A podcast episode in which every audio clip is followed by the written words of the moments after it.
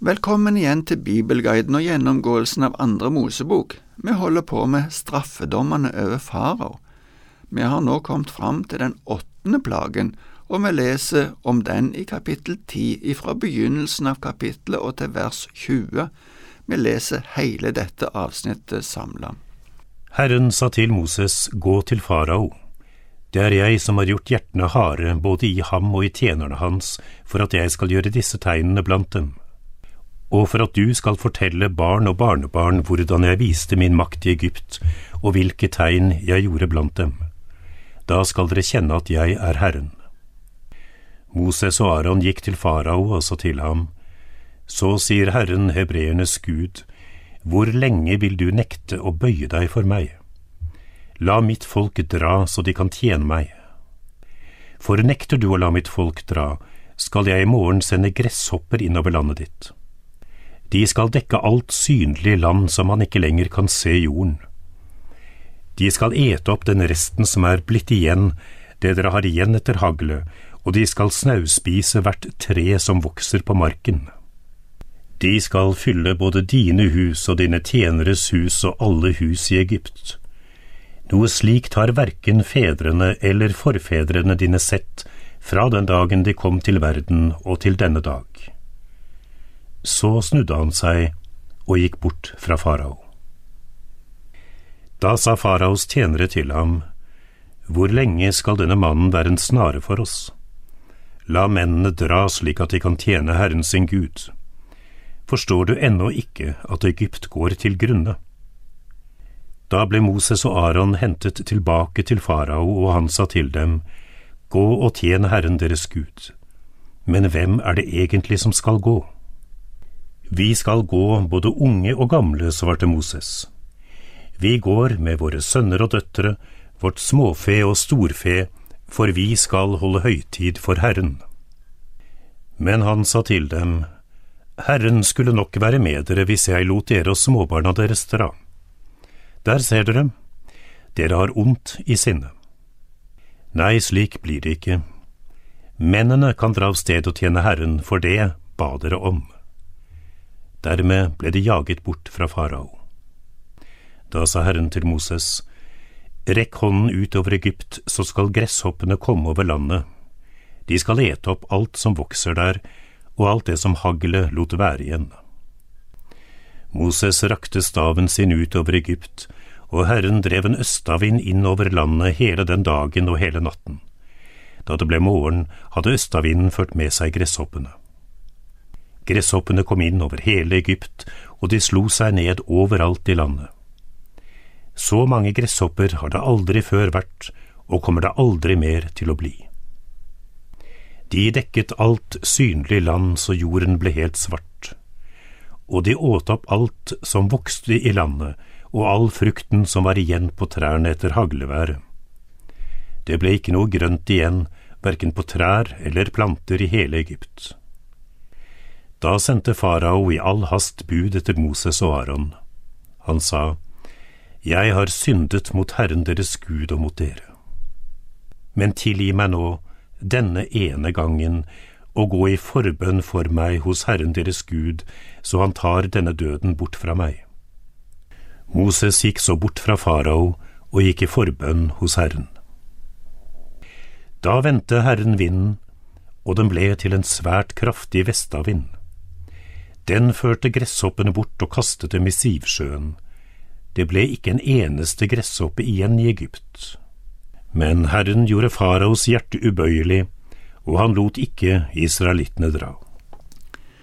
Gresshopper er ikke noe vi i Norge tenker på kan være en plage, de er jo så små. Men gresshopper finnes i mange arter og størrelser, ikke minst i sydlige strøk, og noen ganger kan det komme i store skyer. Da kan det skje at de dekker marker og trær og ødelegger ganske mye.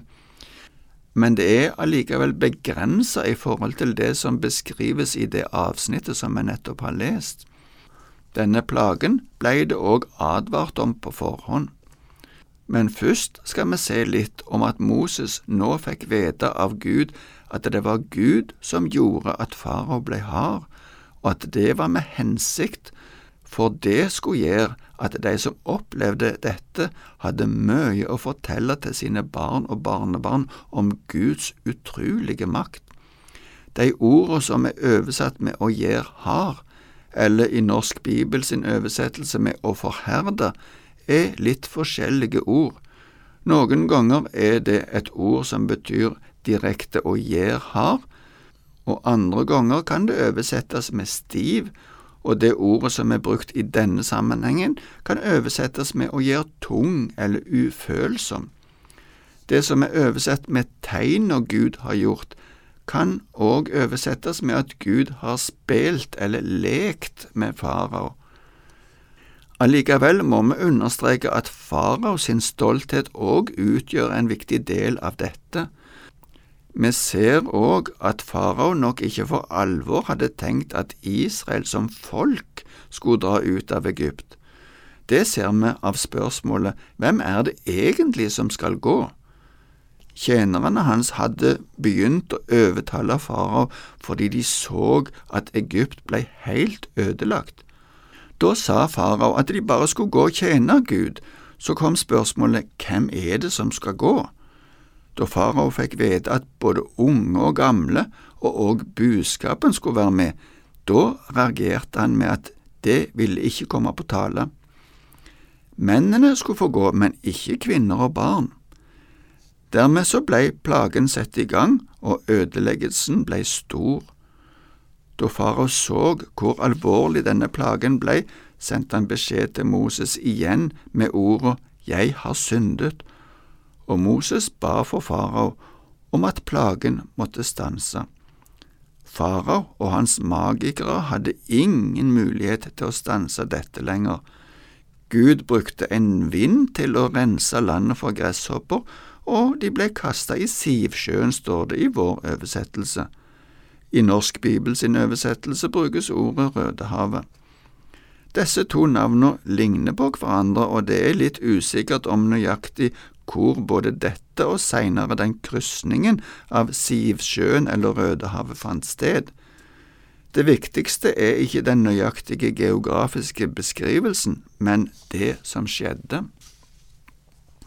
Men som så ofte før, når farao så at plagen var over, ble han igjen hard og nekta å la folket fare. Da kommer det en ny plage, som også denne gangen kom uten at den var annonsert på forhånd. Vi kan lese om det ifra vers 21 til 29.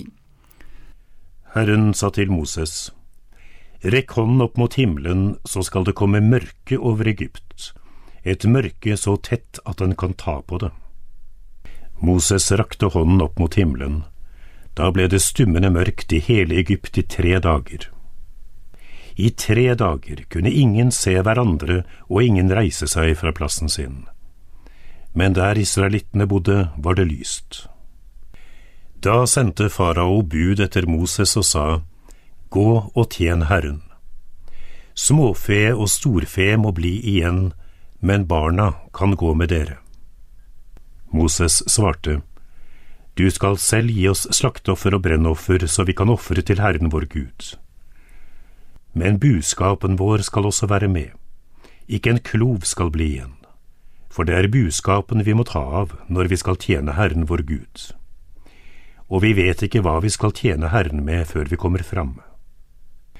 Men Herren gjorde faraos hjerte ubøyelig, og han ville ikke la dem dra. Farao sa til Moses, Gå fra meg, vokt deg så du ikke kommer for mitt ansikt mer, for den dagen du gjør det skal du dø. Moses svarte, Det er rett som du sier, jeg skal aldri se ditt ansikt igjen. Moses skulle nå rekke hånda imot himmelen, denne plagen må ha vært både merkelig og skremmende. Det blei så mørkt at de ikke kunne se noen ting i det hele tatt. Teksten vår sier at mørket skulle bli så tett at en kunne ta på det. Egypterne hadde mange guder, men det var solguden som raga høyest. Solguden ble gjerne kalt Ra, og farao hadde tilknytning til Ra. mange mener at farao som levde på den tida, hette Ramses, der begynnelsen av navnet viser tilknytning til solguden. I tre dager varte dette mørket, og det var så tett at ingen våga å reise seg ifra plassen sin. Folket var helt lamslått. Farao sendte nå beskjed til Moses om at de kunne dra, men ikke ta med seg buskapen.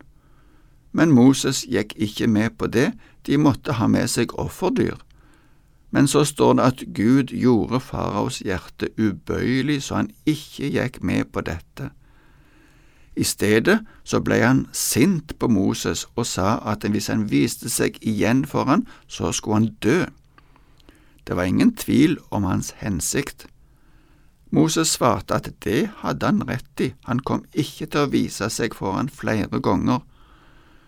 Det kan hende at dette ble sagt i en sammenheng med det som står i starten av det neste kapitlet, der Moses annonserer den siste plagen, men det har vi ikke tid til å se mer på nå, det må vente til neste gang.